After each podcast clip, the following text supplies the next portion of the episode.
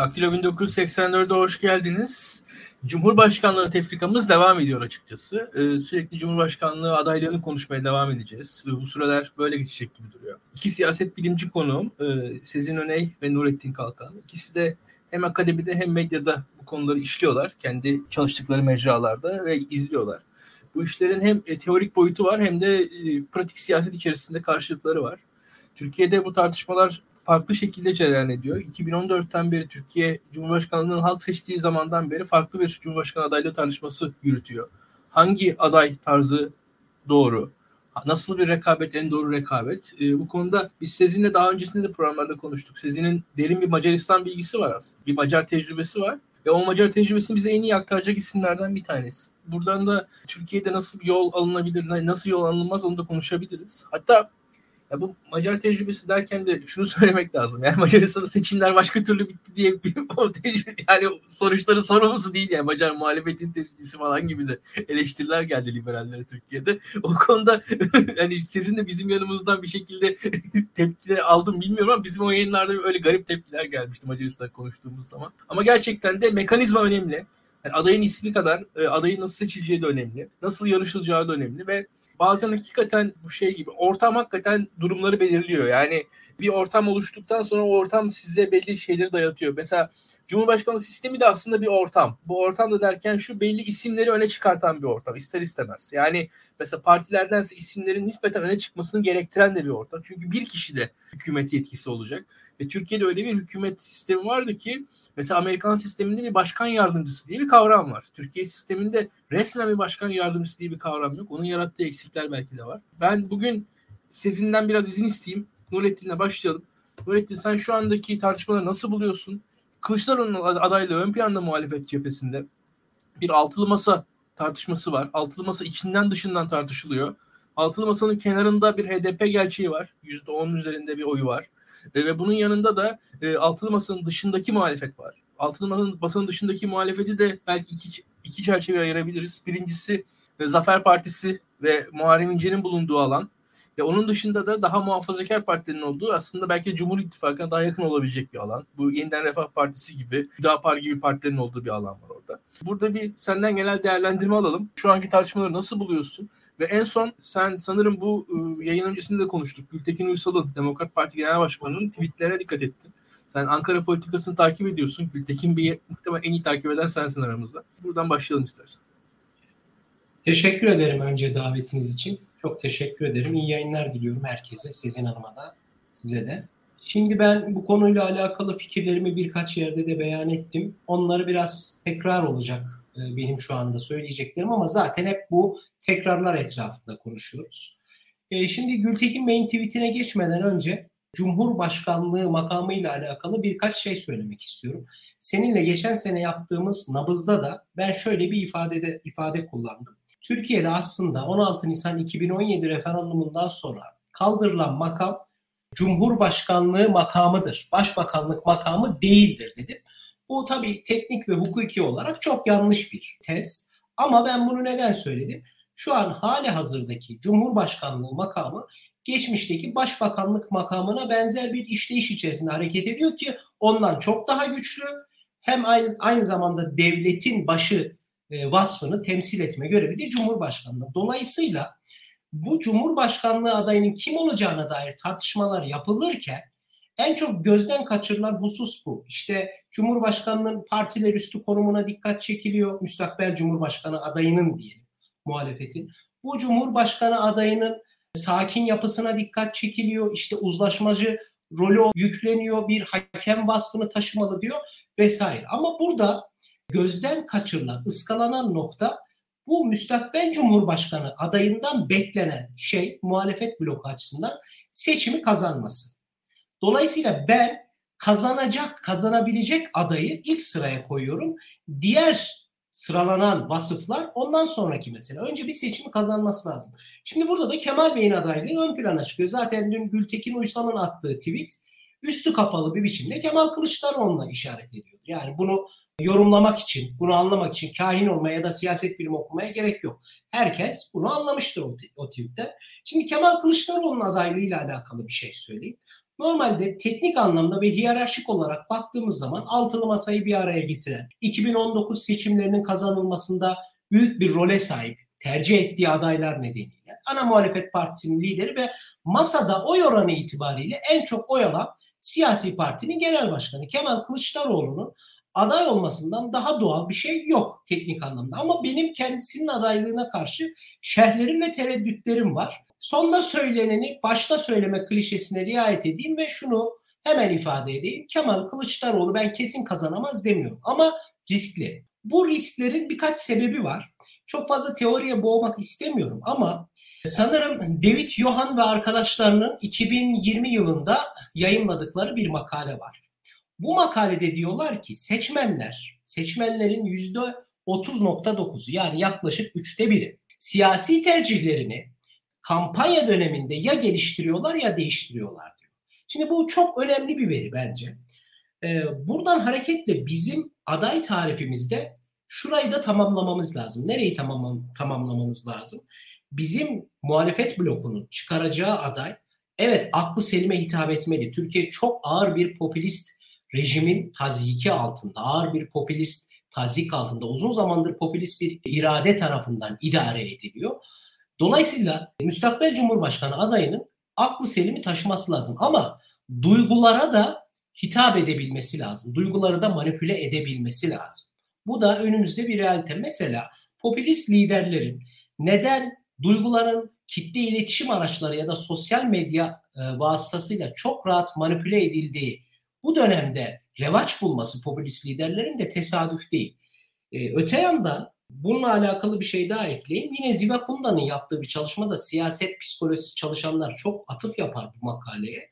Orada da seçmenlerin yalnızca rasyonel bireylerden oluşmadığını, duyguların da siyaset biliminde en az rasyonel tercihler kadar önemli olduğuna vurgu yapan pasajlar var ve nitekim o makale özellikle popülist rejimlerin yükselişine baktığımız zaman doğrulandı. Artık böyle e, bir aksiyon haline aldı diyebiliriz. Dolayısıyla benim aday tarifimde evet aday aklı selim bir tarafa olacak. Aklı selim politikaları icra etme yönünde adayın bir kabiliyeti, meziyeti olacak ama duygulara da hitap edebilmeyi başaracak. Böyle hamurunda da böyle bir maya olacak. Yani ben Kemal Kılıçdaroğlu'nun ikinci dediğimi sağlayabileceğini açıkçası çok düşünmüyorum. Bu nokta e, bir de şu açıdan önemli. Şimdi bu altılı masanın şöyle bir hedefi var. Biz Türkiye'yi mevcut hükümet sisteminden daha doğrusu bu hükümet sistemini altılı masa ucubeye benzetiyor bütün üyeler. Böyle bir hükümet sistemi yok diyorlar. Biz Türkiye'yi bu hükümet sisteminden kurtaracağız. Güçlendirilmiş parlamenter modele geçeceğiz diyorlar. Böyle bir vaatleri var. E, çok son derece de takdire şayan. Çünkü Türkiye'nin yapısal e, sorunlarına çözüm olma vaadiyle kurulmuş bir masa. Bu vaat eğer Cumhurbaşkanlığı makamı konusunda, Cumhurbaşkanı adayı konusunda bir uzlaşma olmazsa bu vaat direkt çöpe gider. Çünkü parlamenter sisteme geçiş sürecindeki o mihver nokta, o ağırlık merkezi Cumhurbaşkanlığı makamı olacaktır. Bunu birkaç yerde de ifade ettim. Dolayısıyla masanın ortak Cumhurbaşkanı adayı konusunda kesin bir mutabakata varması lazım ki şu an ben o mutabakatı çok göremiyorum. Yani İyi Parti cephesinin böyle alenen bir açıklama gelmedi ama Kemal Bey'in çıkışlarına dair bir olumlu, bir onu tasdik eden, teyit eden de herhangi bir İyi Parti'den birisinin açıklamasını ya da imasını görmedim. Bu nokta önemli. Orada ortak bir aday belirlenmeli. Bir de şu var. Altılı masa üyeleri bugüne kadar bu Cumhurbaşkanlığı meselesini hep geçiştirdi. E, bitir, bitireyim. Sizin hanıma devredeyim ben e, mikrofonu, sözü. Yani e, masa toplantılarında yapılan aday tarifleri e, İlkan Dalkuç da o tarife uyuyordu. Ben de uyuyordum. Sezin Hanım da uyuyordu. Çünkü çok muğlak tariflerdi. Dolayısıyla sürekli bunu bir ertelediler. Şimdi karşılarına çıktı bu mesele. Son olarak da şunu söyleyeyim. Cumhur İttifakı'nın altılı masaya, Millet İttifakı'na nazaran tek avantajı da zaten Cumhurbaşkanı adayının net olması. Böyle e, Sayın Selçuk Bayraktar'a falan atıp yapan görüşler var ama ben onları çok açıkçası ciddiye alamıyorum diyeyim. Ben burada bir virgül koyayım. Sezin senle devam edelim istersen. Ana çerçeveyi kuralım. Bundan sonra biraz spekülasyonlara başlatacağım size. Hatta yani e, daha tartışmalı şeyler soracağım. Birazcık daha ilginç noktalara sokacağız işte. Hı. İlk başta senin de bu görüşlerini alalım. Yani bu, şu anki sistem nedir? Altılı masa nedir? Altılı masada Kemal Kılıçdaroğlu adaylığı. Nurettin'in çerçevesinde sen de kendi fikirlerini söylersen oradan bir başlangıç noktası alırız. Ondan sonra zaten biraz spekülasyon tarafına gireceğiz işin diye tahmin ediyorum. Ya altılı masa bir kere şartların bir araya getirdiği bir masa. Bu masa kendi isteğiyle, arzusuyla tamamen e, biz bir araya gelelim diye toplanmadı aslında. Şartların itmesiyle Türkiye'nin bugünkü özel koşulları nedeniyle bir araya geldiler ve bir arada kaldılar.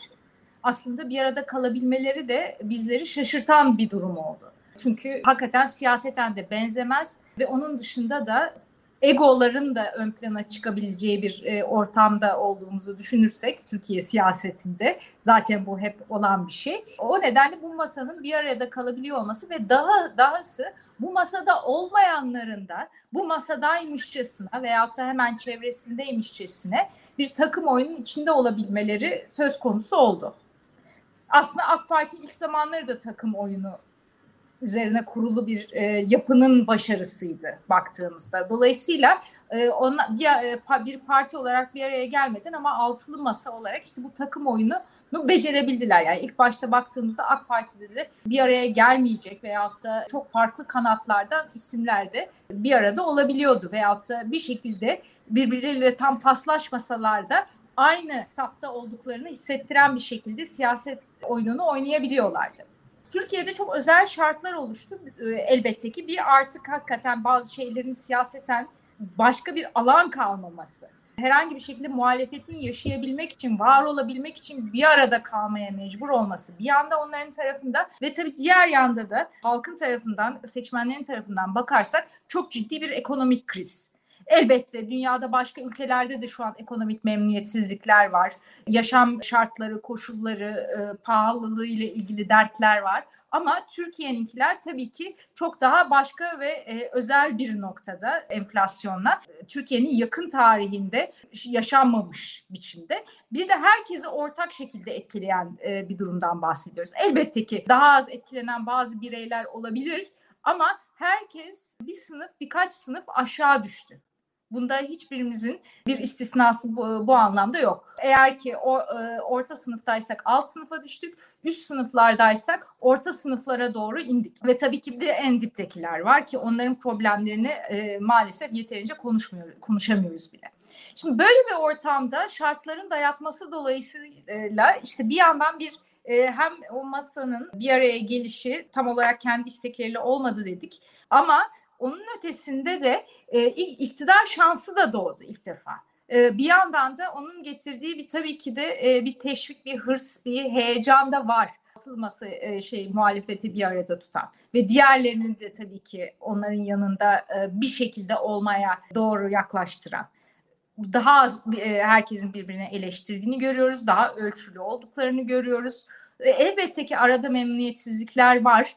Bunları zaten satır aralarında okumak mümkün. Satır araları bazen satır üstlerine de çıkabiliyor açıkçası eğer iyi, iyi takip ederseniz. Var tabii ki e, problemler ama gene de bir aradalar ve bir arada kalmaya devam ediyorlar. Burada aday e, meselesi de e, normal şartlar altında elbette Türkiye'de gerçekten bu lider karizması çok önemli bir şey. Lider kültü. Ve hala e, AK Parti'nin bu kadar oyu varsa bu şartlarda, bu ekonomik krizde Erdoğan'ın sayesinde tabii ki de. Erdoğan'a rağmen değil, Erdoğan olduğu için bu oy hala orada. Yoksa herhangi bir başka sağ parti olsaydı e, şimdiye kadar bu oylarında daha da erimiş olduğunu görecektik bana kalırsa. Bu lider kültü ve lidere e, olan e, bu yakınlık hali vesaire var ama bazen daha önce Muharrem İnce'nin adaylığında olduğu gibi o e, şartların dayatması ve işte şartlarla beraber biz lider figürü olarak önümüze çıkanı da muhalefet tarafındaki e, kamuoyu için söylüyorum. Biz derken yani kendimi kastetmiyorum bu arada. Yani genel olarak Türkiye'nin e, halinden bahsediyorum bu e, lidere yönelim işte onu birdenbire mesela Muharrem İnce örneğinde olduğu gibi olduğundan daha bir badem gözlü görme, daha bir e, olduğundan e, pozitif görme hallerimiz de olabiliyor kusurlarını görmüyoruz. Daha görmemeye e, meyil oluyoruz. O perde de birçok seçmenin gözünün önünden sadece seçim gecesi mesela Muharrem İnce'nin adaylığında kalktı. O e, geceki performansı yüzünden. Tam tersi çok daha büyütebilirdi kendini Muharrem İnce farklı bir liderlik tavrı alarak tabii bu arada. Şimdi ya Kılıçdaroğlu'nda da yavaş yavaş aslında e, çok negatif ona bakanlar dahi veyahut da aday olamayacağını düşünenler dahi ufak ufak bir ısınma turlarına girdiler. Biz en azından zinhar karşı çıkmak Kılıçdaroğlu'nun adaylığına vesaire gibi e, değil oturup da e, bir rasyonelite çerçevesinde olur mu olmaz mı gibi e, konuşuyoruz bunu. Daha önceki zamanlara gitsek bunu hiç konuşmayacaktık bile belki. Çok sert e, tavırlar benimseyebilecektik. E, Kılıçdaroğlu'na daha ortalama bakanlar da biraz daha ısındılar. Dolayısıyla herkes de bir Kılıçdaroğlu'nun adaylığına doğru yanaşma durumu oldu. Bir, bir yavaş yavaş yandan yandan bir ısınma durumları oldu. E bunun bir şeyle alakası var. Tabii ki ya bu altılı masayı bir arada tutabilmek kolay değil ve bunu başardığı ve belki de başkan namzet de tam olarak egosunu daha geri plana iterek vesaire yapacak da pek başka e, figür ön plana çıkmadığı için diğer adaylar çok güçlü adaylar çünkü ve egosu da kuvvetli adaylar. Dolayısıyla onların bir kere lider olarak telaffuz edildiği e, durumda elbette ki farklı aslında bir e, e, mizansenle karşı karşıya kalırız. Kılıçdaroğlu'nun e, şu anki daha belki e, mütevazi profil, profili de daha e, ortama uygun şu anki ortama uygun. Ama ne olur bu işte daha seçim satsına girdikçe bir kere seçim tayini muhakkak telaffuz edilmesi lazım ki biz bence adayı duyalım ve bilelim muhalefet cephesinden. Hem doğrusu bu hem de bana kalırsa buna yakınlar ee, öyle birdenbire bir ben adayım çıkışı kimseden bu, bu ara geleceğini zannetmiyorum ben bana kalırsa. Ee, tabii çevresindekiler e, çeşitli adayların aday adaylarının e, bunları söyleyebilirler. Ama hem işte bu e, altılı masayı bir arada tutabilecek daha mütevazi ve ara bulucu profil olması hem de e, Kılıçdaroğlu'nun da e, giderek anketlerde de o kadar da fena bir performans göstermiyor olması daha öncesine göre göreceli olarak onun da kazanma şansının artması. Bunlar işte onun ismini daha ön plana bir çıkarıyor. Ama tabii ki daha çok bilinmez var. Önümüzde çok soru işareti var aslında. Biz yani kesin bir iktidar değişikliği gidiyormuşuz gibi baksak da ve havada bunun e, hakikaten bir esintisi olsa da rüzgarı hatta olsa da gene de çok bilinmezli bir dönemdeyiz ve ve muhakkak e, YSK'nın e, yani Yüksek Seçim Kurulu'ndan bir e, o seçim tarihini duyacağız ki bence adayı ancak o zaman e, bilebileceğiz. O da o dönemde karşımıza çıkacak. Sizin açıkçası ben de kategorik olarak sana katılıyorum. Yani bir defa hem e, daha öncesinde de biliyorsun erken seçim iddialarına nispeten daha mesafeliydim. Hem de daha sonrasında adayın geç açıklanması gerektiğini söylemiştim. Çünkü Türkiye şartlarında adayın yıpratılması mesele değil bence. O kadar büyük bir mesele değil. Yani yıpratılacağı kadar yıpratılıyor herkes zaten Türkiye'de. Ama daha ziyade şu kim aday olarak açıklanırsa açıklansın muhalefet cephesinde onun karşı kutbundaki kişi etrafında veya kişiler etrafında bir e, sinerji oluşmaya başlar. Yani aday mesela muhalefetin daha sağ kanadından bir aday açıklanırsa muhalefetin daha sol kanadında bir sinerji oluşur ve orada bir hareket oluşur. O ikinci odak kendisi öne çıkartmaya çalışır. Bir denge sağlamaya çalışır. Veya aday diyelim muhalefetin sol kanadına yakın olarak kabul gören bir taraftan bir aday çıkarsa da adı, muhalefetin sağ kanadından bu sefer farklı şekilde adaylık hareketleri çıkar diye düşünüyorum. Ki muhalefette çok parti var ve bu her partinin de kendisine göre evet planı projesi vardır ve siyaset çıkarlar üzerine gayet gidiyor. Yani siyaset öyle hiç kimse şey yapmıyor. Burada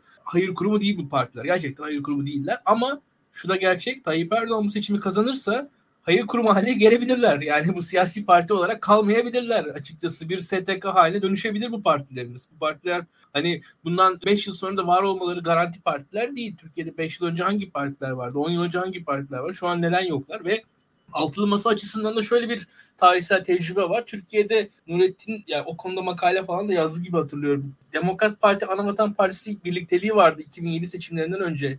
O seçimler hep tartışılırken aslında başörtüsü yasakları, Abdullah Gül'ün Cumhurbaşkanı adaylığı, meclisteki 367 krizi vesaire 267 onun üzerinden tartışılır ama aslında orada bir de şu vardı. Demokrat Parti Anavatan Partisi birlikteliğinin bu seçim öncesinde adaylar üzerinden anlaşılmaması üzerinden bozulması vardı ve o ittifakın birlikteliğin bozulmasının yani Mehmet Ağar ve Erkan Mumcu'nun ayrı yollara ayrılmasının, yollarına ayırmasının yarattığı bir hayal kırıklığı da açıkçası Adalet ve Kalkınma Partisi önünü çok açmıştı. Ve burada da şöyle bir durum var. Bu altılı masa bir şekilde birlikteliğini ilan etti. Ve birlikteliğini ilan ettikten sonra e, altılı masanın ayrılması, bölünmesi, tekrar parçalanması altılı masanın hem kendisine hem de tek tek tüm üyelerinin itibarının düşmesine yol açacaktır diye düşünüyorum. Çünkü yani 2007 atmosferini az çok hatırlayabiliyorum ben. Orada o iki partinin birlikteliği en azından %10, belki %15, kimi anketlere göre %20'ye yakın bir oy alıyordu neredeyse. Ancak çok çok geriye düşmüştü. %5-6'lar seviyesinde galiba o civarlarda bir oy almıştı Demokrat Parti. Ve burada çok ciddi bir düşüş yaşanmıştı ve Adalet ve Kalkınma Partisi oylarını aslında %50'lere yaklaştıran belki yüzde kırkları yine alabilirdi Adalet ve Kalkınma Partisi yüzde ellilere yaklaştıran şey o partinin Demokrat Parti ve Adalet Anavatan Partisi'nin Erkan Uncu ve Mehmet Ağar'ın yan yana duramamasıydı. Bu açıdan altılı masanın da önünde böyle bir test var. Altılı masa birlikteliğini sürdüremezse, birlikteliğini devam ettiremezse, birlikteliğini bir şekilde somutlaştıramazsa bence seçmen tarafından bir cezaya gayet uğrayabilir. Bir cezalandırılabilir seçmen tarafından. Böyle böyle bir olasılık var. Çünkü seçmen Türkiye'de ne olursa olsun iktidara kızabilir. İktidara çok iktidardan nefret bile edebilir ama bir iktidarın olmasını ister. Bir yönetimin olmasını ister. Yönetebilirim duygusunun karşı tarafta olmasını ister. Yani hükümete kızmak hükümetsizliği tercih etmek anlamına gelmiyor. Yani hükümetsizlik en kötü hükümet hükümetsizlikten daha iyi halkın çoğunluğunun gözünde Türkiye'de benim gördüğüm kadarıyla. Ve bu da altılı masanın bozulması bir şekilde halkın gözünde bir hükümetsizlik algısını yaratır diye düşünüyorum hatta. Bunlar bu yüzden de altılı masanın üyeleri aslında çok da fazla bir hareket alanına bence sahip değiller.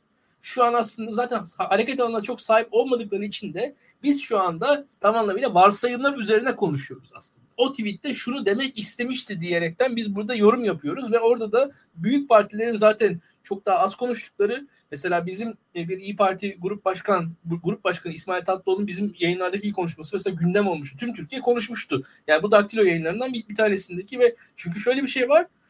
Yani konuşulan yok. Hiçbir şey açık konuşulmuyor. Yani en açık konuşulan şeylerden bir tanesi bizim yayındaki bu samimi ortam sayesinde beyefendi sağ olsun söyledi. Herkes işte Fox TV'ler şunlar hepsi bizden aldılar paylaşıldık falan. Çünkü hiç kimsenin konuştuğu yoktu. Hiçbir şey açıktan konuşulmuyordu konu, konu hakkında hiçbir şey tartışılamıyordu ve şu da açık. İşin en kötü tarafı belki Sezin'in en aşina olduğu konu derken onu söylemiştim. Mekanizma belli değil. Yani evet altılı masa bir aday seçecek de neye göre seçecek? İşte anketlere göre seçilsin diyenler var efendim tecrübeye göre seçilsin diyebilirsiniz. Veyahut da işte siyaseten Tayyip Erdoğan en karşı insan veyahut da en muhafazakar insan, öbür İslami kesimden de oy alsın diyebilirsiniz. Veyahut da altılı masa dışında Kürtlerden de oy alabilen bir aday olsun diyebilirsiniz. Bunların hepsi argümanlardır. Hangi argümanlar neye göre tercih edilecek ve nasıl seçilecek bilmiyoruz. Ya orada ben bir tane daha birazcık daha Kılıçdaroğlu'na bence Kılıçdaroğlu'na yazacak bir argüman daha var bu az konuşuluyor diye düşünüyorum. Orada teşkilatlar, örgütler. Yani sandıklara sahip çıkılması gerekiyor. Muhalefet partileri arasındaki en büyük teşkilat CHP'nin. Yani en büyük örgüt CHP'nin. Ve onun da e, bir yarattığı bir fark olduğunu düşünüyorum. Tabii ki CHP örgütü her yerde güçlü değil. Ama o örgütler arasındaki en güçlü örgüt CHP örgütü ve o onun yarattığı bir fark var. Yani burada şu belli. Ben mesela yani Mansur Yavaş mesela Ankara'da İyi Parti'den aday olmadı. Ve o bir Mansur Yavaş'ın tercihiydi. Ankara'da İyi Parti'den aday olarak Ankara'yı kazanamayacağını düşündü. Mansur Yavaş İyi Parti aday olsaydı Ankara'da Cumhuriyet Halk Partileri hepsi ona oy verirlerdi. O konuda bir sakıncası olmazdı ama sandıklarda acaba aynı şey olur muydu o belli değil. Yani Mansur Yavaş'ı Cumhuriyet Halk Partisi aday olmaya iten şey yani bu şu anda da biraz Cumhuriyet Halk Partisi'ni yine kuvvetli hale getiriyor. Yani kamuoyu her ne kadar eski seçimlerden dolayı CHP'ye karşı biraz e, mesafeli olsa da şu partiler arasında en azından bir iki seçim kazanmayı başarmış tek parti de CHP. Orada öyle bir şey var. En azından İslam seçimlerini kazanmış, Ankara'yı kazanmış. Öyle bir teşkilat faktörünün olduğunu düşünüyorum. Yani örgütlerin önemli olduğunu düşünüyorum. Yani o örgütleri hatta Anadolu'nun her yerinde çalıştırabilir. Bunun tartışılması lazım. Ki seçim gününde Türkiye'de Nurettin sen bunları iyi bilirsin. Türkiye'de kaç sandık vardır? 180 bin, 200 bin gibi hatırlıyorum. Aklında mı? Yok aklımda değil açıkçası. Aklımda Hı. Ee, buyur devam et. yani Türkiye, Tabii. Ya Türkiye'de mesela şey var. Tüm sandıklara hakim olabilmek için hemen hemen 600 bin kişinin o gün çalışması lazım en azından. Ve o 600 bin kişiyi belki de 1 milyon kişiyi organize etmek gerekiyor. Bu 1 milyon kişiyi seçim gününde çalıştıracak kadar bir e, organizasyon yapı gerekiyor. Bu yapıyı kim mobilize edebilecek? O, o bence çok önemli ki yani burada zaten o sorularda da bu aday meselemizde yavaş yavaş bizim opsiyonlarımızı daraltan bir şey. Onu gördük biz bence Ekmelettin İhsanoğlu'nda. Çünkü Ekmelettin Bey mesela bu anlattığım 600 bin kişilik, 1 milyon kişilik yapıyı organize edebilecek, böyle bir yapıyla ilişkisi olan bir insan değildi. Bir defa o tarafı var bu işin. Yani siyaset, parti, bu partilerin bir aradaki durmaları, bu teşkilatlar, bu örgütler nasıl çalışır onun farkında bile olduğunu zannetmiyorum. Zaten mesele şu, kampanyalar neredeyse reklam şirketleriyle, siyasal iletişim yoluyla halledilmeye çalışıldı. Ama esasında kampanyaların örgütle yapılması gerekiyor. Cumhurbaşkanlığı kampanyalarının örgütle yapılması gerekiyor. Ee, bir, bir aday ve o adayın etrafında bir başarılı bir reklam kampanyasıyla beraber bir iyi sonuç alındığını düşünmüyorum ben açıkçası. Bir de böyle bir tarafı var. Nurettin sana devam edelim. Ben böyle çok konuşurum. Muhtemelen konuklarını aldı kendi konuşuyor diye. Yok derler. Yok güzel konuş. şimdi benim e, şimdi Sezin Hanım bir şey söylemişti. E, ona çok küçük bir şerhim var benim. E, Kılıçdaroğlu'nun adaylığıyla alakalı. Kılıçdaroğlu'nun adaylığına mesafeli olanlar biraz daha ısınmaya başladı. Kılıçdaroğlu'na e, böyle soğuk bakanların soğukluk derecesi biraz düştü gibi bir tespiti var. Ben buna tam katılamıyorum. Önce onu söyleyeyim. Çünkü Kemal Bey Cumhurbaşkanlığı adaylığı, kendi Cumhurbaşkanlığı adaylığını ya da herhangi bir X kişinin ya da kamuoyunda konuşulan Ekrem Bey, Mansur Bey, Meral Hanım zaten kendisi ifade etti aday olmayacağını ama bu tür isimlerin altılı masa içerisinde ya da kamuoyunda konuşulmasının önünü tıkadı. Nasıl tıkadı? Ben belediye başkanlarının belediye başkanı olarak devam etmesini istiyorum dedi ve mesele bitti.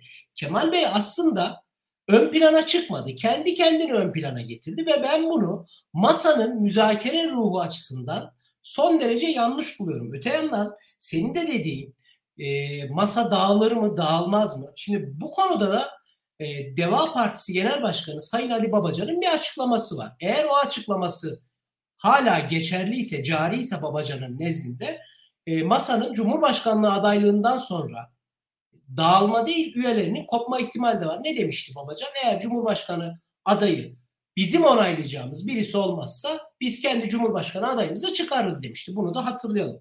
Şimdi Sezin Hanım'ın bir söylemine katılıyorum. Şahıs kültlerinden, karizmatik otoritelerden, karizmatik liderlerden bahsetti. Şimdi 1960 yılında Akis dergisinde Metin Toker İsmet Paşa'nın damadı bir yazı yazar. Orada Metin Toker der ki Türkiye bugüne kadar hep karizmatik liderler aracılığıyla var oldu. Türkiye'deki şu an siyasetin kaim olması karizmatik liderlere dayanıyor. İşte Atatürk örnek verir, İsmet Paşa'ya örnek verir, merhum Adnan Menderes örnek verir. O dönem için konuşuyorum. Şimdi bundan sonra da artık bizim rasyonel otoriteye, Weber'in tarif ettiği rasyonel otoriteye geçmemiz lazım der. Ama Metin Toker'in bu temennisi hala daha e, şey bulmadı. Toplumda makes bulmadı. Şöyle düşünün. Cumhurbaşkanlarını ya da Türkiye siyasi tarihine damga vurmuş figürlerin lakaplarından bile bunu görebilirsiniz. Mustafa Kemal Atatürk gazi olarak alınır, Gazi Paşa. İsmet Paşa milli şef olarak anılır. Adnan Menderes Efe olarak anılır. E, Bülent Ecevit Karaoğlan olarak anılır. Demirel Baba olarak anılır. Erdoğan'a bakın reis olarak tarif ediliyor. E, Erbakan Mücahit olarak anılır. Ya hiçbir e, iktidara geldi ama işte yani tek başına başbakan olmayan Alparslan Türkeş bile başbu olanlar başbu olarak tarif edilir. Yani 70'lerde bir parti var. %2-3 oy alıyor ve liderine başbu deniyor kamuoyu. Başbu diye tarif ediyor. Ya Türkiye'de maalesef daha kişilik kütleri henüz aşılmış değil. Siyasi kültürde öyle dünden bugüne bir cumhurbaşkanı adayı koydum. Bu cumhurbaşkanı son derece sakin, son derece suhuletli geçiş sağlayabilecek birisi. Devleti iyi biliyor. İşte şey bir doğası var. Kavgacı olmayan uzlaşmacı bir doğası var. Ben bunu Cumhurbaşkanı adayı yaptım. Bu seçimi kazanırsa benim siyasi kültürüm değişecek. Böyle bir şey yok. Evet katkıda bulunur değişmesine. Ama siyasi kültür öyle birdenbire değişecek bir şey değil. Bu yüzden ben hala daha duygulara hitap edecek o karizması olan bir ismin muhalefet tarafından Recep Tayyip Erdoğan'ın karşısına konulması gerektiğini düşünüyorum. Ve açıkça söyleyeyim bence de bu Kılıçdaroğlu değil Kılıçdaroğlu'nun devleti iyi bildiğine falan da katılmıyorum da. Neyse orayı geçelim. Şöyle bir metafor yapmak istiyorum. Metaforik bir şey söylemek istiyorum. Muhalefet 2023 seçimlerinde Real Madrid'de maç yapacak. Real Madrid evet eskisine göre zayıf. Eski gücü, şaşalı dönemi yok. Ama maç 89. dakikada 2-0 önde girersin ve maç bir an 3-2 Real Madrid'in lehine sonuçlanabilir. Hakemin takdir hakları da ekseriyetle Real Madrid'den yanadır.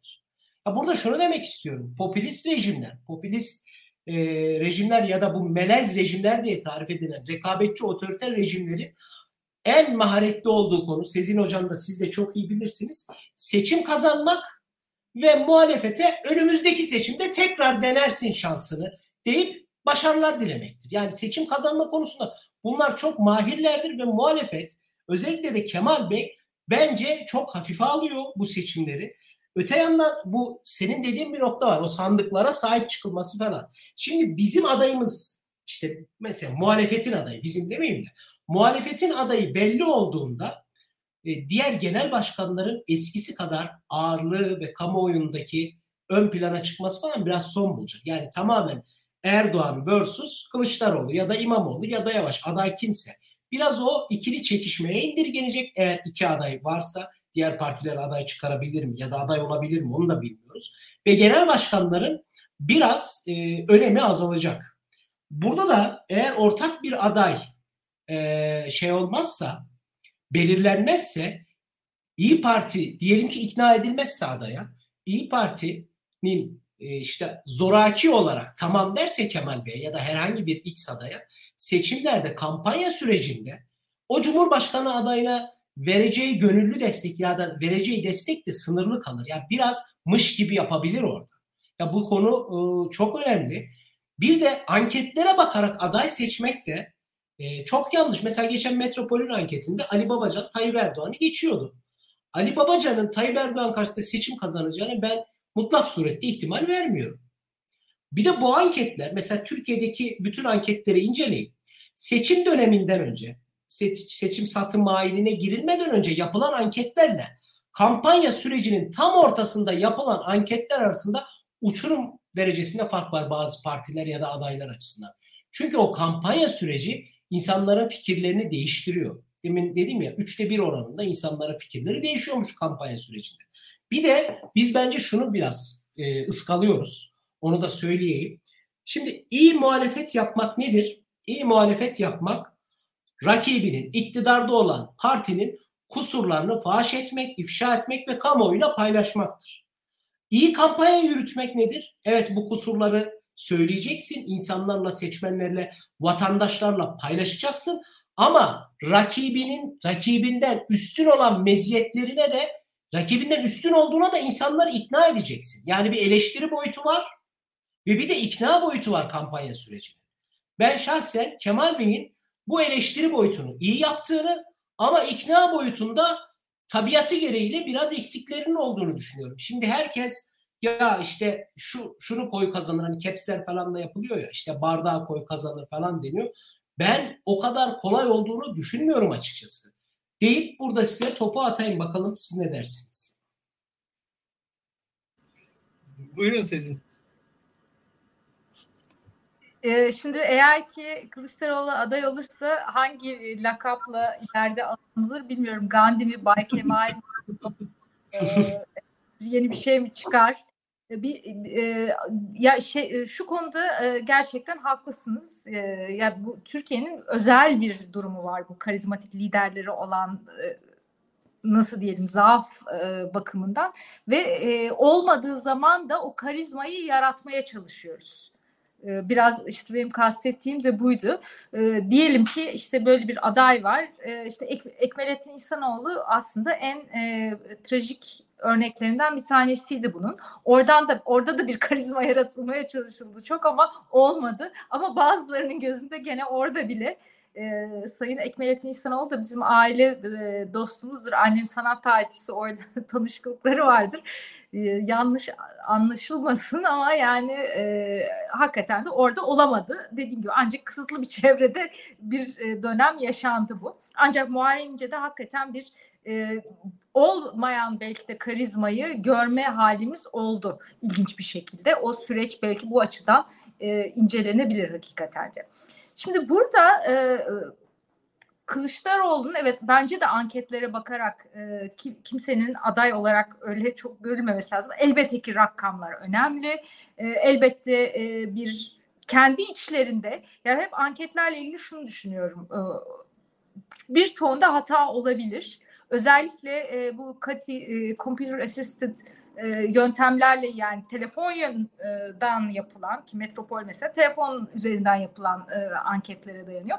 Ancak işte kendi içlerinde belki karşılaştırabiliriz. Yani anketlerin e, diğerlerinde tümünde hata yapıldığını veya örneklemlerde e, sorun olabileceğini varsayarsak ve telefonla yapılan anketlerde özellikle sorun olabileceğini varsayarsak kendi içinde birbirini karşılaştırarak zaten aynı hata e, sürekli tekrar ediliyor gibi varsayıp oradan belki bir e, değerlendirmemiz doğru olabilir. Yoksa hakikaten de daha ciddiyetle yapılan anketlerin e, ve e, herhangi bir siyasi e, arka arka plan gözetilmeden belki daha çok yapılacak anketlerin yani e, bununla kastim şu şu an birçok anket şirketi bir e, firma bir partiyle çalışıyor veya çalışmaya çalışıyor.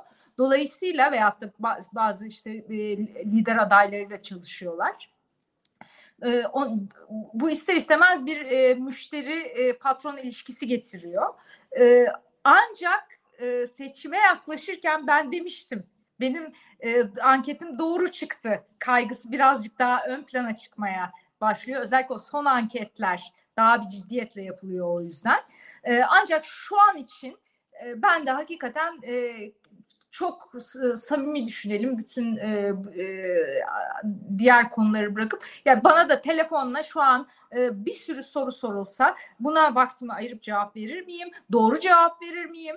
e, ve, veyahut da e, kaygısızca cevap verebilir miyim? Çok da emin değilim. Mesela işte gene Metropol'ün anketinde biraz AK Parti'nin de yüzde otuz dörde tek tırmandığını, şiştiğini gördük.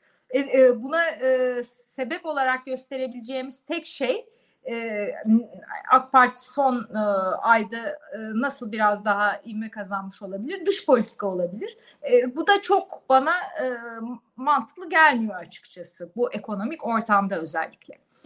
Dolayısıyla anketlere evet ben de güvenmeyi isterim ama adaylar bakımından e, özellikle e, hakikaten de adayın belirlenmesi süreci e, sadece o anketlere bakılarak yapılmamalı.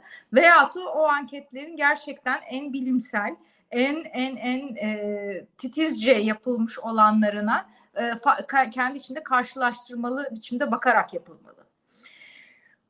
Bu e, noktada yani Kılıçdaroğlu'nun işte e, yavaş yavaş evet e, insanların tepkileriyle de beraber e, kendi içinde işte dediğim gibi anketleri karşılaştırırsak hiç şansı yokmuş veya çok daha, çok daha az şansı diğer adaylara göre varmış gibi e, gözükürken daha bir, bir ön plana çıkmaya başladığını gördük ki e, dediğiniz gibi Babacan mesela ba, bana hiç de böyle e, gel, aday olsa e, kazanır kazanırmış gibi e, gözüken bir e, isim değil. Bunun sebebi de AK Partililerin özellikle kendisine çok, e, çok daha ön yargılı yaklaşması. Davayı satan veyahut da davadan uzaklaşanlara çok daha tepkili bir bakış açısı var. Kılıçdaroğlu gibi e, Bay Kemal diye e, küçültülen veyahut da işte aşağılanmaya çalışılan iktidar tarafından e, birine daha sıcak bakılır. CHP'ye bile ısınılır bu anlamda en kutuptakiler. Ama o davayı bırakmış olanlara hiç e, iyi bakılmıyor.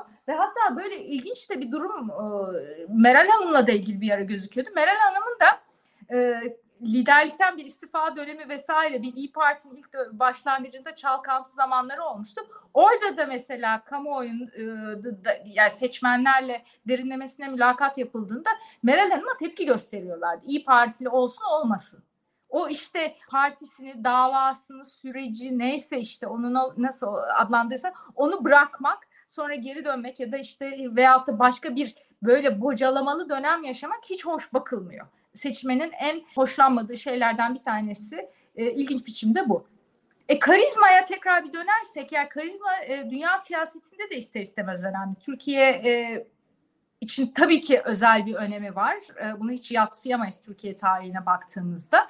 E, ancak e, işte Almanya'da da mesela e, SPD'nin e, hızlı bir e, ivme kaybını görüyoruz mesela bu aralar. Üçüncü par iktidar partisi olarak ön plana çıkarken koalisyonda e, birinci partiyken üçüncü partiye e, düşmesi söz konusu. Bunda da tabii ki e, e, oradaki e, Şansölye Scholz'un e, bir e, karizma eksikliğinin de etkisi var ister istemez. Orada bile e, Almanya gibi karizma konusunda hem tarihsel olarak hem de genel e, şu anki siyasi kültürü bakımından en mesafeli yaklaşan bir ülkede bile bu mesele oluyor hakikaten de ister istemez.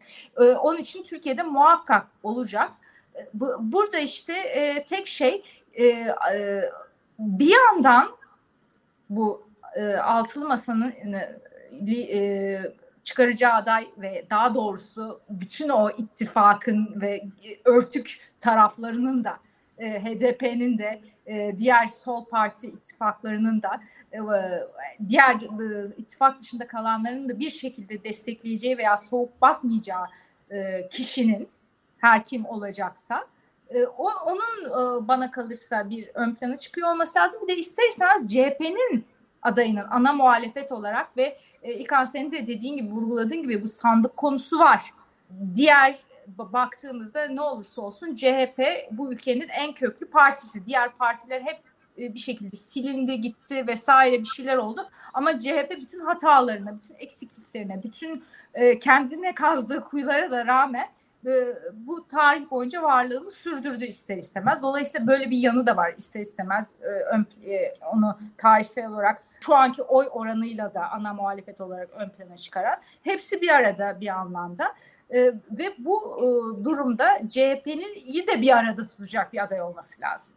CHP'nin içinde de o, o liderlik pay hatlarını sarsmayacak bir aday e, olması lazım. İşte tüm bu yüzden aslında e, konjonktürel olarak e, o e, e noktada Kılıçdaroğlu aday olarak ortaya ismi ister istemez e, ve Kılıçdaroğlu olmazsa da onun belirleyici bir, e, bir aday veya onun sıcak bakacağı göstereceği bir aday e, olacağını düşünüyorum son kertede. Yani genel olarak ben e, Sezin'e katılıyorum. Ama e, burada çözüm ne olabilir diye de soru ister istemez geliyor. Çözüm de birazcık da e, programın başında söylediğim şeyde var bence çözüm. Çünkü ne olursa olsun her türlü tartışmayı yaparsak yapalım. Türkiye'nin iki tane cumhurbaşkanı olmayacak. Yani en iyi senaryoda diyelim muhalefet açısından bir cumhurbaşkanı seçebilecekler. Muhalefet partileri şu an istedikleri gibi 6-7 cumhurbaşkanı seçemeyecekler. Diyelim çok başarılı oldular. %70 oy aldılar. Bir, iki, bir tane cumhurbaşkanı olacak. Kalan insanlar cumhurbaşkanı olamayacaklar. Bunu kabul etmeleri gerekiyor bir defa. Devam edelim ondan sonra elde olan şeylerin paylaşılması gerekiyor. Yani elde olabilecek şeylerin en azından paylaşılması gerekiyor. Bu yapılabilir mi? Bence yapılabilir. Hmm, burada hangi yol doğrudur? Yani kendi adıma bence baştan bir paradigma hatası yapıldı. Yani bir defa anayasa değişikliği perspektifi konduktan sonra bu çok ciddi bir perspektifti. E, neredeyse yüzde elli buçuk 50 artı bir yeter moduna geçildi. Onu çok yanlış buluyorum ben. Şu an fırsat bulunmuşken aslında çok yüksek oy oranları hedeflenebilirdi. Ve hala ben yeterli çalışmanın olmadığını düşünüyorum. Yani şu anda hükümet sürekli meclisin üzerinde oyunlar oynuyor. Yani meclis için seçim yasası değiştirdi. Bizim şu an seçim ne zaman olacak hala bilmiyoruz. Ben erken seçim beklemeyenlerden birisi olduğum için ben yasanın değiş, değişim, değiştirilmiş yasayla olacağımıza inanıyorum. Nisan ayından sonra seçim olduğu zaman Türkiye'de Türkiye'de şu anda fiilen ittifaklar bir işe yaramaz hale gelecekler. Tek çözümü bunun tek liste altında girmek. Tek liste demek zaten diğer partilerin bile artık e, yani tüzel kişiliklerin ikinci plana atılması demek. Burada pazarlık nasıl olacak ki şöyle söyleyelim. Saadet Partisi e, adayları geçen seçimde Cumhuriyet Halk Partisi listesinden girdiler. Mesela Demokrat Parti Genel Başkanı Gültekin Uysal İyi Parti listesinden seçime girdi. Bunlar oldu. Bunlar olabildi çünkü o partiler bir katkıda bulunuyorlardı zaten. Hiç kimse Saadet Partisi'nin diyelim e, işte iki adayı CHP listesinden vekil seçildi. Belki CHP daha yüksek oy alsaydı Saadet Partisi'nin 4-5 adayı da vekil seçilebilirdi. Ama hiçbir CHP'de buna itiraz edemezdi ahlaken. Çünkü Saadet Partisi'nin aldığı oylarla Cumhuriyet Halk Partisi Yozgat'ta, Urfa'da vekiller çıkarttı. Şimdi buna benzer bir e, yani şöyle söyleyelim. Demokrat Parti'nin, e, Deva Partisi'nin, Gelecek Partisi'nin alacağı oylar İyi Parti'ye ya da Cumhuriyet Halk Partisi'ne şu an vekil olarak dönmeyecek. Bunun yarattığı bir ortam var ve baraj da %7'ye çekiliyor. Barajın %7'ye çekilmesiyle beraber partiler arası dayanışmanın da pek manası kalmayacak. Hatta öyle söyleyelim. Ee, burada çok e, cerrahi bir seçim kampanyası, çok cerrahi bir aday listeleri oluşturulması gerekiyor ve bu bu o kadar tehlikeli bir şey ki e, şöyle söyleyelim. Geçen yerel seçim tecrübesi var arkamızda. Yerel seçim tecrübesinde biz şunu gördük. İyi Parti Mersin'de aday gösteremedi. Nasıl gösteremedi bilmiyorum. Ama bir şey bir, bir, anlaşamadılar. E şimdi devam edelim. Muhalefetin en güçlü olduğu yerlerde Mersin'in, Muğla'nın ilçelerinde muhalefet yenildi birçok yerde. Bunun sebebi yine Cumhuriyet Halk Partisi İyi Parti anlaşamamış olmasıydı. Aslında tek adayla Taşra'da, Taşra'da teşkilatların anlaşması çok daha zordur. Evet, evet. Ya aynen öyle. Ya orada e, bir bu burada zaten klasik olay şudur. Yani benden daha iyi bilirsin. Bu ittifaklarda teşkilatlar kavga eder. Liderler sonrasında gelir.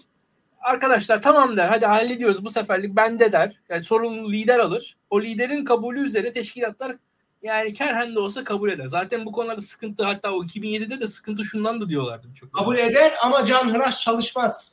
Ama şu liderler kendileri pazarlık yaptıkları zaman da bir sıkıntı oluyor. Şimdi lider pazarlığında diyelim senle ben lideriz, pazarlık yapıyoruz, anlaşamadık.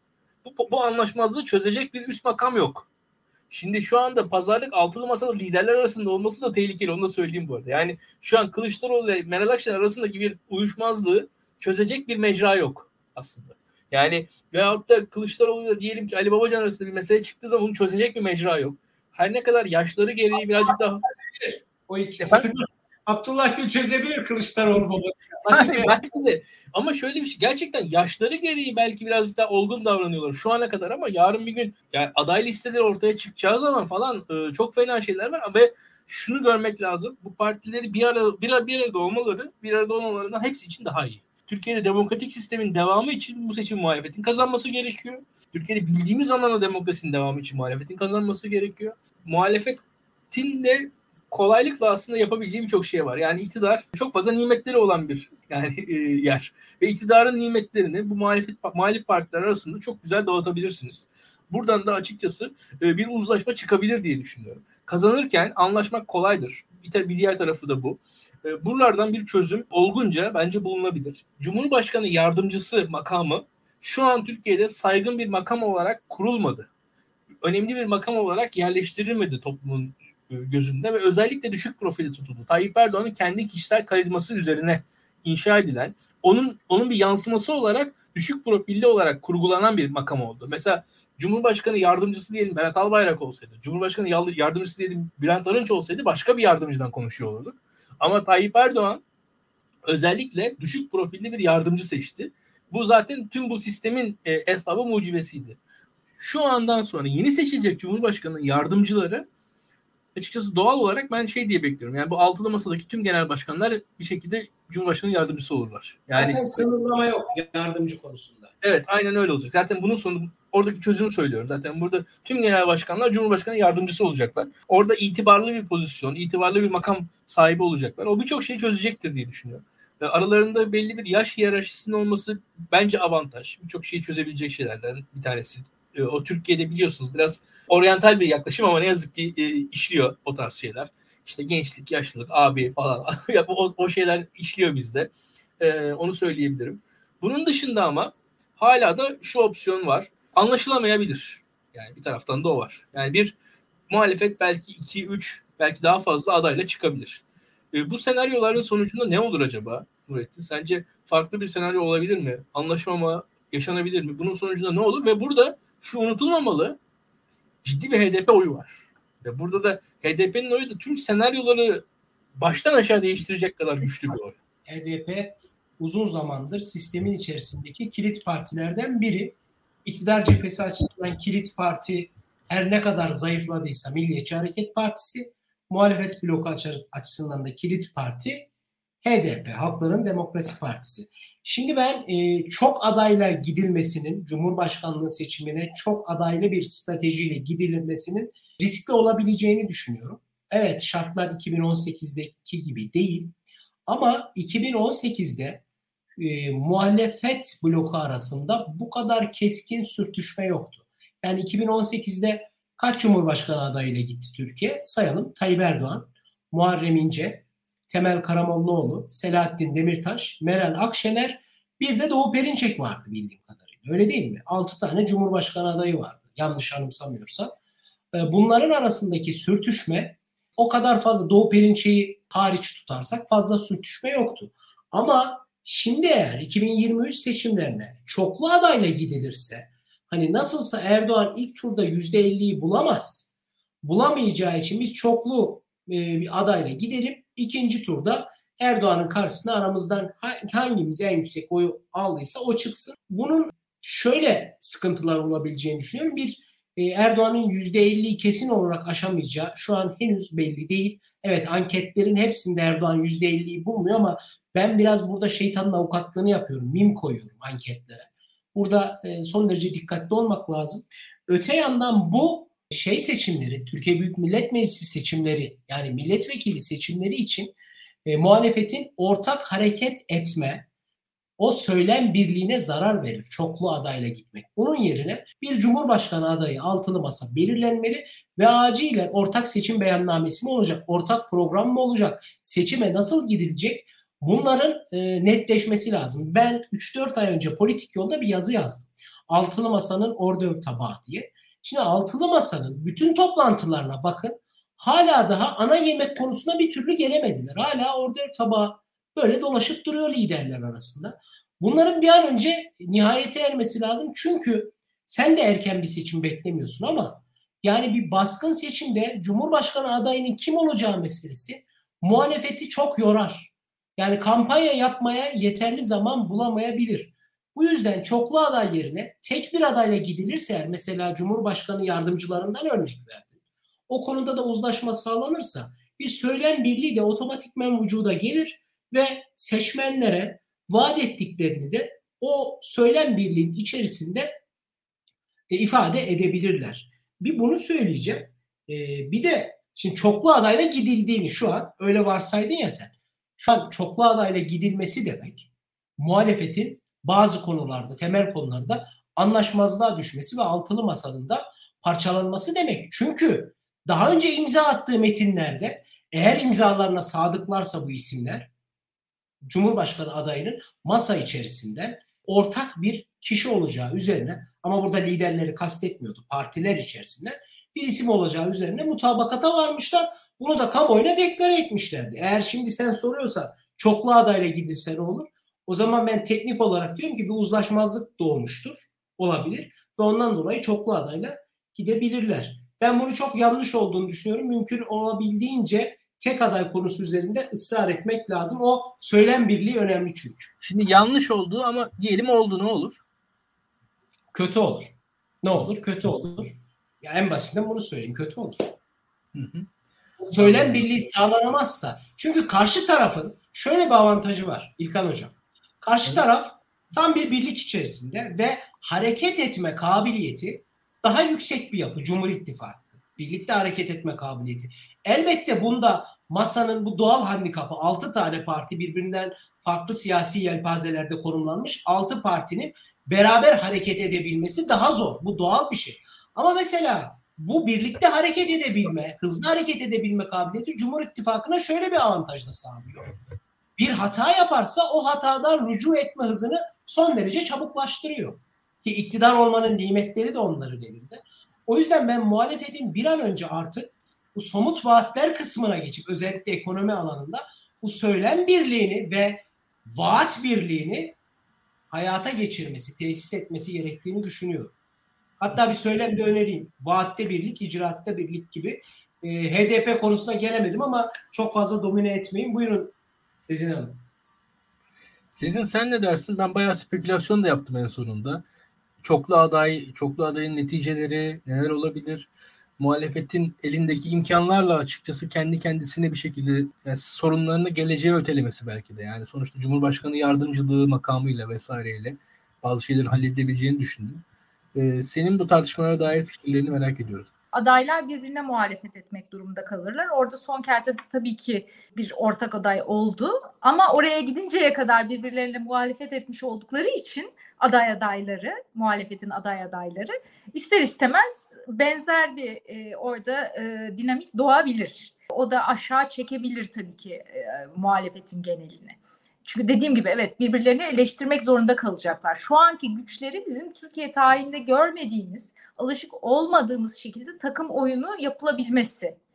Bir farklı o anlamda paradigmaya gidilmiş olması ister istemez. Tamamen bana kalırsa çok da hesaplı bir şey değil. Ee, işte yolun götürdüğü bir e, durum olmuş. Bir adeta yolun kendi kendine oluşturduğu bir süreç ve takım oyunun kendi kendine oluşturduğu bir süreç e, yaşandı. E, arka planda diyorum yani hem liderlerin e, bana kalırsa bireysel öngörülerime, sezgilerime, duyumlarıma göre hem e, kendi aralarındaki e, anlaşmaları hem de e, bazen işte dediğim gibi dışarı daha önce vurguladığım gibi dışarıya yansıyanlardaki bazı şeyler ufak kıymıklar diyelim aslında her şeyin o kadar da mükemmel, muhteşem ve e, süper olmadığını da gösteriyor tabii ki arka planda. E zaten bunu biz yıllarca Türkiye'de aslında o takım oyunu işinin ne kadar netameli olduğunu Abdullah Gül ve Recep Tayyip Erdoğan'la muhteşem yol arkadaşlığı diye bize yutturulan veyahut da yutturulmaya çalışılan şeyden biliyoruz.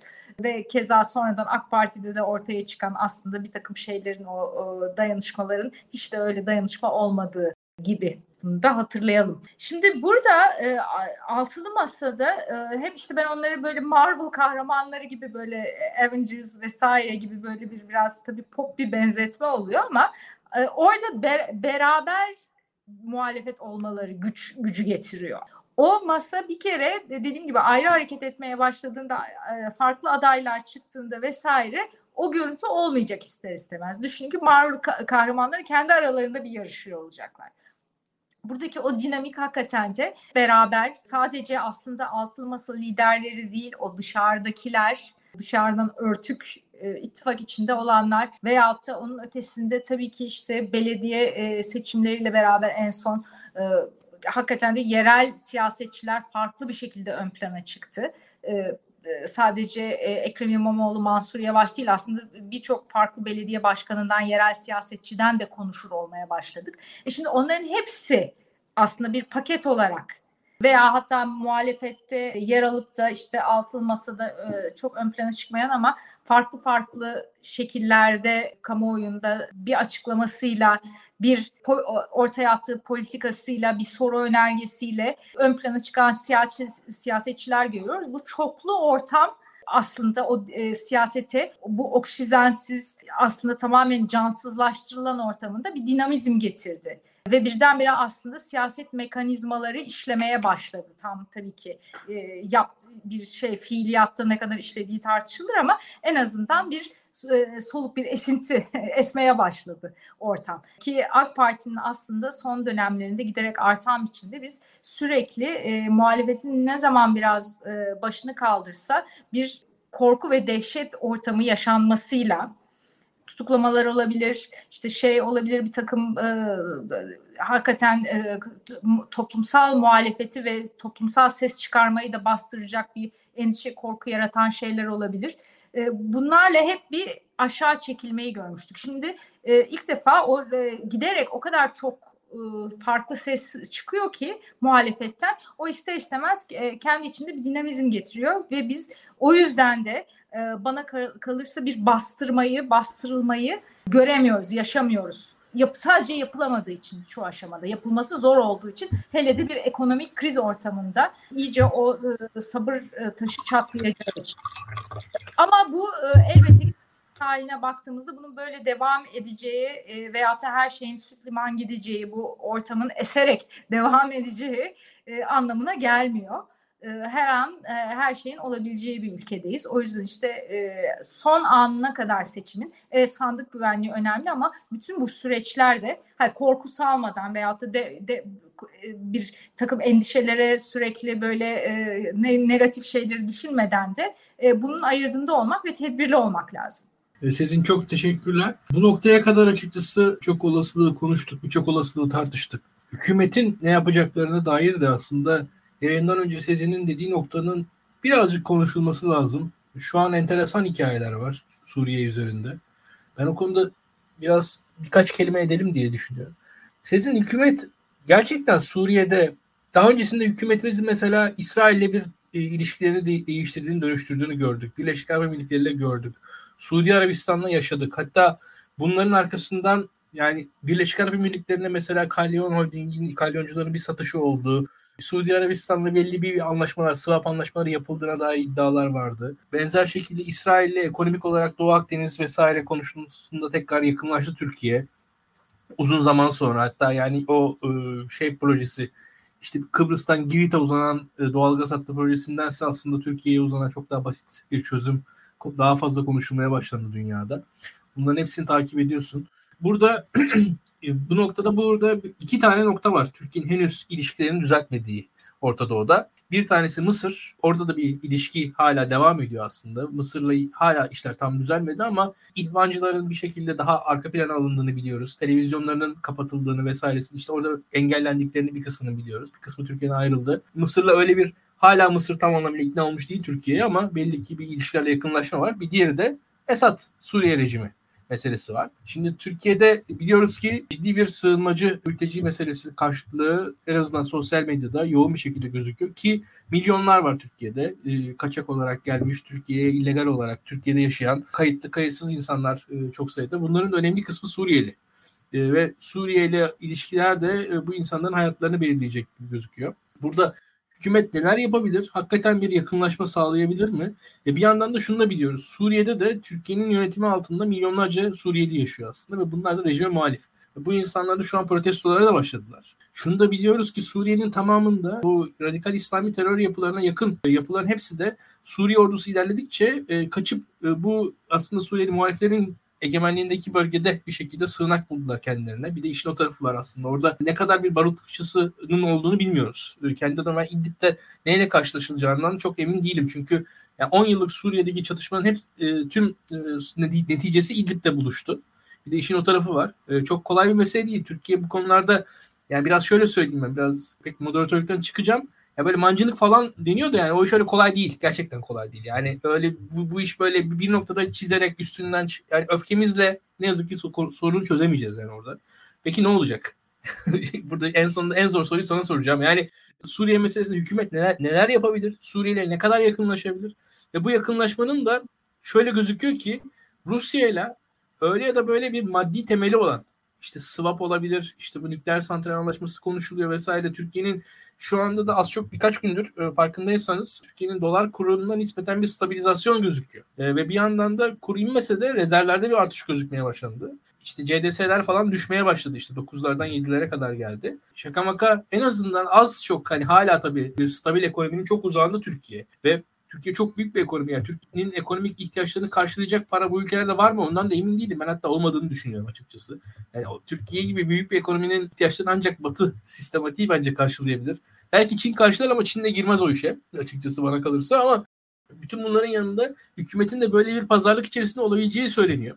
Sen ne dersin? Hükümet Suriye'de yani hükümetimiz hem belli bir ideolojik angajmanları olan bir hükümet ama bir yandan da pragmatik kararlar alabilen bir hükümet. Tam bilemiyoruz. Tayyip Erdoğan mesela faiz konusunda ısrar etti. Israr edip yani ve o, o kadar pragmatik davranmadı ama bazen pragmatik davranabiliyor. Bazen belli ısrarını bir noktaya kadar sürdürüyor. Bir noktada kesiyor. Suudi Arabistan konusunda ısrar etti. Ben Türkiye'ye çok yakın mesela Anadolu Ajansı muhabirlerinin nispeten işlettiğini hemen hemen emin oldum. Propaganda hesaplarını biliyorum. Arapça tweetler atıyorlardı Muhammed Bin Selman aleyhine. Türkiye'de bu işler yapıldı. Bunları Suudiler de çok iyi biliyorlardı. Ama vazgeçildi şu anda onlardan mesela. Ee, bunun gibi bir dönüş, bir dönüşüm olabilir mi? Ne dersin? E, Muhammed Bin Salman büyük kazanı oldu bu ortamların. E, hakikaten Çin de işte Çin lideri e, Xi Jinping de pandemi sonrası yıllar sonra ilk ziyaretini Suudi Arabistan'a yapacak büyük ihtimalle. Ee, bir yandan Türkiye'de evet e, bu arada tabii Ukrayna savaşının, kazananlarından ya yani Ukrayna savaşı Allah'ın lütfu oldu hakikaten de e, Ankara açısından baktığımızda. iç politikada e, işler sıkışırken dış politikada birçok konuda altın tepside sunulan fırsatlar olmuş oldu. Ee, bir uluslararası e, moderatör veyahut da işte o müzakereci, arabulucu güç olarak ve tabii ki de Türkiye'deki birçok e, olumsuz giden veya olumsuz bakılan konuya da Batı e, tarafından özellikle pek bakılma, bakılmaz oldu. Göz ardı edilmeye başlandı. E şimdi Suriye konusunda hükümet ne yapabilir? Valla o konuyu ben düşünmeyeyim. Kendileri düşünsünler. Hakikaten de e, ne kendileri bulsunlar yolunu ama ne yapabilirlerse çok da kolay olmayacak. Fakat şunu yapabilirler ve muhalefetin de bu açıdan ha, e, hakikaten de temkinli olması gerek. Şimdi önümüzdeki dönemde gene bir Suriye operasyonu işte zaten telaffuz ediliyor. Bir yandan işte gerek İran'la olsun, gerek Rusya ile olsun, gerekse belki de hatta Esad'la olsun, Suriye devlet başkanıyla olsun bir görüşme içine girilmesi söz konusu. Diğer yani Rusya ve İran tarafı tabii ki yapılıyor. Bu o müzakereler sürüyor. E, fakat e, onun ötesinde Esad'la da diyalog geçilmesi söz konusu. Bu yapılır mı? Yapılır. Bir seçim vaadi olarak Suriyelilerin geri gönderilmesi, güvenli bölge oluşturulması ortaya atılabilir. Ve bu daha önce aslında e, 2019'da e, bu Barış Pınarı operasyonunda çalışmıştı. Yani Barış Pınarı operasyonuna 2018'deki Zeytin Dalı operasyonundan daha fazla destek vardı. Ve hatta hükümete destek de bir 4 puan aşağı yukarı artmıştı ve hatta Cumhur İttifakı geneline bakarsak bir, bir 5 puana yakın, 5-6 puana yakın bir oynama olmuştu onların tarafta. Ee, tamamen yani iki operasyonun arasındaki bana kalırsa e, fark ve söylem farkı ve niye bir, bir tanesine daha çok destek oldu ve hükümete destek daha arttı. Orada e, bu Suriyelileri geri göndereceğiz. Güvenli bölge oluşturup kısmıydı işin. Hatta da o dönemki işte bazı araştırmaların da ben de içindeydim kamuoyu araştırmaların. Bu zaten de çıkıyordu da yani sadece benim spekülasyonum veyahut da bir hipotez gibi değil. E, bir orada e, hakikaten veri de vardı o dönemlerde. Yani dolayısıyla aynı şey tekrar denenebilir e, yaparsa bu hükümet yapar, gönderirse onlar gönderebilir gibi. Ya yani tabii ki e, bilemiyorum. Hükümetin içinde de işte tabii ki İçişleri e, Bakanı e, farklı söylemler ortaya koyuyor. İşte kimi zaman hükümetin kendisi işte bir e, söylemi Erdoğan'da e, ortaya koyarken sonra başka türlü Suriyelilerle ilgili şeyler de söylenebiliyor. Ama bu e, hem Kürt sorununun tekrar gündeme gelmesi hem işte dediğim gibi mülteci meselesi üzerinden de bir takım şeyler olabilir. E kolay değil tabii ki bu. Uluslararası hukuk bakımından kolay değil. E, Suriyelilerin geri gönderilmesi. Hadi e, onu geçtik Esad'la gerçekten bir pazarlık ne kadar yapılabilir, ne olabilir? Hükümet bunu yapabilir mi? Et, e, onun dışında tabii ki de bir de cihatçı gruplar var ki onlar açıklamalarına başladılar bile. Mevlüt Çavuşoğlu'nun bu büyükelçiler toplantısında söylediği şeylerden ve o, bu ortamdaki o birazcık birazcık hareketlenmeden Esad tarafıyla görüşme konusunun ortaya çıkmasından sonra işte cihat esastır vesaire gibi işte açıklamalarda bulunuyorlar. Yani onlar da ya bir müzakerenin kendileri de içinde olmak istiyorlar veya hakikaten de e, radikalliğin ileri boyutuna gidip e, herhangi bir şekilde e, güdümlerden çıkıp kendi başlarına da hareket etmeye e, e, kalkarlar mı onu da bilemiyoruz tabii ki. Sonuçta radikal örgütlerden bahsediyoruz. Ben de çok kısa bir şey söyleyebilir miyim müsaadenizle? Tabii, Tabii ki de iyi olur. Ben de merak ediyorum. Ya ben genellikle misak milli sınırları e, dışına çıkmam konuşurken ama Suriye artık bizim iktidarımızın misak milli sınırları içerisinde gördüğü bir yer. Şimdi bence Baas rejimi major tavizler almadan e, iktidarla masaya oturmaz. Buradaki major taviz de ne? Türkiye'nin kontrol ettiği bölgelerden çekilmesi. Bağız rejiminin en öncelikli isteyeceği e, imtiyaz, imtiyaz demeyeyim de şart bu olmalıdır. Türkiye'nin oralardan çekilmesini isteyecektir. Muhtemelen Sezin Hanım'a katılıyorum. Bu mülteci sorununun artık iktidar üzerinde ciddi bir tazike dönüşmesinden sonra iktidar müstakbel seçimlerde bir kayıp yaşayacağının farkına varmıştır ki uzun zamandır vardı. Dolayısıyla Esad rejimiyle anlaşmak istiyor olabilir. Ama burada da kritik soru şu.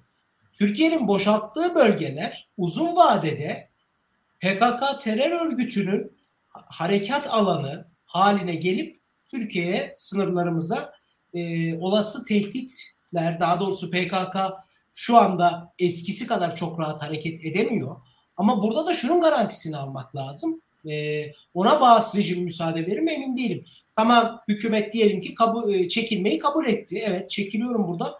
Ama sonra sınırlarıma bir saldırı olduğunda buralar benim operasyon bölgem olacak mı? Ki zaten bu da bir egemenlik meselesi aslında. O yüzden son söyleyeceğimi tekrar ifade edeyim en son söyleyeceğimi. Bağız rejimi ciddi tavizler almadan hükümette masaya oturmayacaktır. Muhaliflerle ilgili şunu söyleyeyim.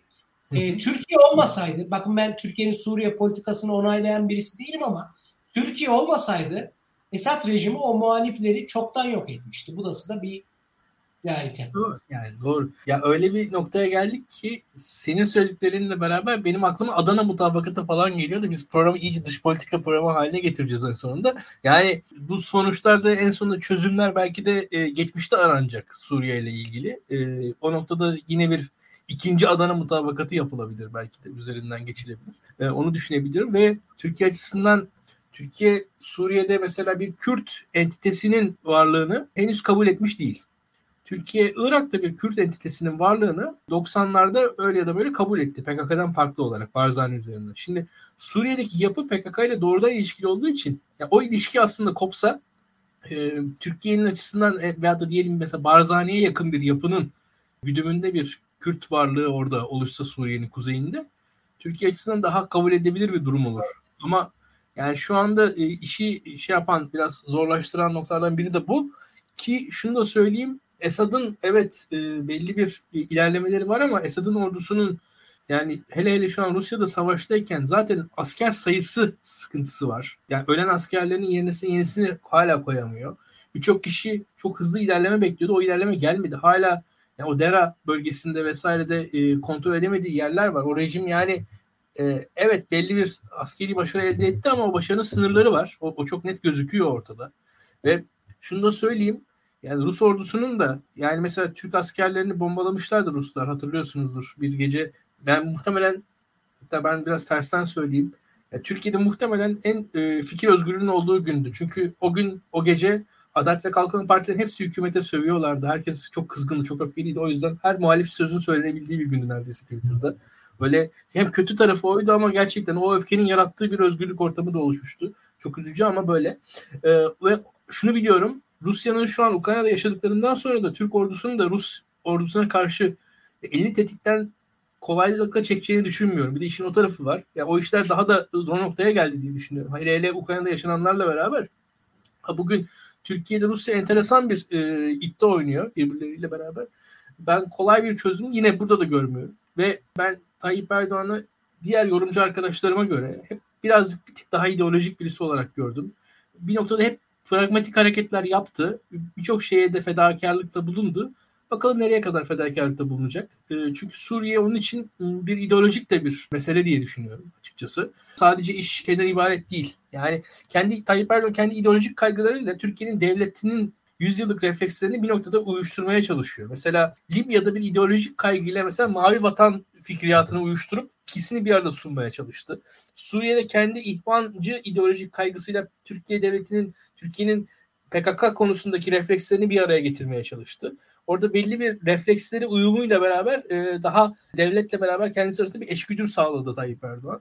Ama burada bu işlerin maliyeti çok olmaya başladı. Yani o maliyetle beraber taşıyamadı ve beğenelim beğenmeyelim işte Suudi Arabistan, Birleşik Arap Emirlikleri ve adım adım da en sonunda Mısır'da e, yeri adımlar attı. Bu nereye kadar gider? Hükümetin ekonomik zorluklarının karşılığıyla karşılığını ancak görebiliriz. Ki şöyle söyleyeyim %900'ler %900'lerle gitmeye devam etseydi Türkiye belki de ödemeler dengesi krizi bayağı bir çok ağır krizlerle karşılaşabilirdi. Düştü. Efendim işte o düştü aynen öyle. Aynen onu düşürmek zorundaydı çünkü. O, o noktada kalsaydı Türkiye devam edemezdi. Şu anda da şartlar nereye kadar zorlayacak göreceğiz. Ben kendi adım bilmediğimiz, orada göremediğimiz bir alan var. Bilinmeyen bir bilinmezlik alanı var. Onu beraberce değerlendireceğiz diye düşünüyorum. Yaşadıkça göreceğiz diye düşünüyorum. Eklemek istediğiniz bir şey varsa ekleyin isterseniz farklı bir konuda farklı bir şey söylemek istiyorsanız söyleyin. Gerçi e, programı bu saate kadar izleyen arkadaşları daha da yormayalım. Bir cuma gecesini saat 11-20 geçeye kadar bizi izleyerek geçirdiler. Çok sosyal arkadaşlarımız varmış. Onu da bugün görmüş olduk. E, beraberce o zaman son sözlerimizi alalım ve dağılaşalım bu haftalık diyorum. Çünkü e, bir yandan da şunu söyleyeyim. Önümüzdeki süreçte şu an Nurettin her ne kadar e, doktora tezini bitirmeye odaklanacak olsa da önümüzdeki bu yılın sonuna kadar ama şu belli ki seçime kadar daha çok şey konuşacağız. Daha çok şey tartışacağız. E, bu konularda çok sert şeyler gelecek karşımıza. Öyle ya da böyle yayınlar sürecek. E, farklı yayınlar farklı saatlerde olacak. Bugün nabızın klasik günü değildi. Özellikle biraz seçtim. İzleyicilerimiz alışsın diye farklı anlarda çabuk çabuk yayınlar yapmaya çalışacağız. Biraz kendi daktilo refleksiyonu değiştirmeye çalışıyoruz. Biraz onu söyleyelim. Adım adım olacak. Ee, yeni yayın dönemiyle beraber daha farklı programlar karşınızda olacağız. Tekrar söyleyelim. Eklemek istediğiniz bir şeyler var mı?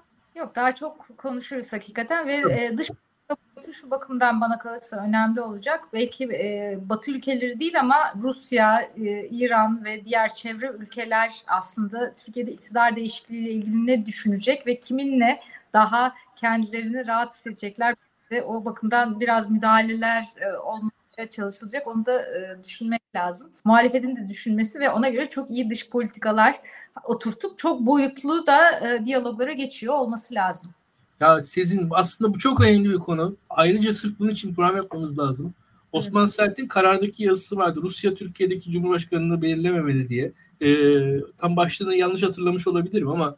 Ama yani hakikaten ya dış mihraklar söyleminde ben sıcak bakmam ama bu sefer e, orada e, farklı şeyler olabilir gerçekten de. Hani e, Türkiye çünkü Türkiye gerçekten önemli bir ülke ve Ukrayna krizinin başladığı zamanlarda ben Türkiye'nin etrafında kibrit çakısı Tayyip Erdoğan'a yarar demiştim. Biraz e, e, magazinel bir dil kullanmıştım açıkçası. Ger- gerçekten yarıyor yani Türkiye etrafında kibrit. Ve Türkiye önemli bir ülke. Türkiye'nin Türkiye'nin lideri önemli bir insan. Kim olduğundan bağımsız. Türkiye'nin lideri kim olursa olsun bir önemli bir insan. Ve Türkiye'nin Türkiye gibi ülkeyi mesela hiçbir zaman Almanya bir kenara atamaz. Hiçbir zaman Fransa bir kenara atamaz. Bu ülkelerin yüzyıllarcalık yüzyıllık yatırımları var Türkiye'de. Ee, yine aynı şekilde Türkiye ile Rusya arasındaki ilişkileri asla bir Rusya'nın e, lideri bir kenara atamaz. E, biz bunları gördük. Her ne kadar bir ara hatırlarsınız muhalefet tarafında işte e, dış güçler hükümeti yolluyor falan heyecanları son 10 yılda kaç defa yükseldi ve arkasından boş çıktığını gördük. Çünkü aslında orada anlaşılmayan şey oydu ve bu anlatılan o dış güçlere ne kadar iktidara yakın, iktidarla beraber hareket edebilir halde olduklarını gördük. Çünkü e, o dedikleriniz zaten tamamen çıkarlarına bakan e, yapılar e, ve çıkarları da bir ülkedeki muhalefettense iktidarın yanında olmaktır. Ve orada da e, artık kaç yıldır artık bu işlerin içinde yani çeşitli farklı çevreler bir e, konuda liyakat ve kadro ve vesaire sıkıntısı e, veyahut da işte politika konularında hataları, sıkıntıları olabilir ama dünya e, ile farklı farklı çevrelerle diyaloğa çok alıştılar ve e, Erdoğan ve çevresi de bunu zaten yapıyor şu veya bu şekilde. O yüzden muhalefetin de bu konularda daha bir herhalde e, enerjik harekete geçiyor olması lazım. Çalışıyor, düşünüyor lazım. Çok kesinlikle katılıyorum. Kesinlikle katılıyorum. Ee, Nurettin senin de son sözlerini alalım. Herkese iyi akşamlar diliyorum. iyi akşamlar. Yoksa biz devam edeceğiz demek ki. Bu gecelik bu kadar arkadaşlar. Haftaya görüşmek üzere.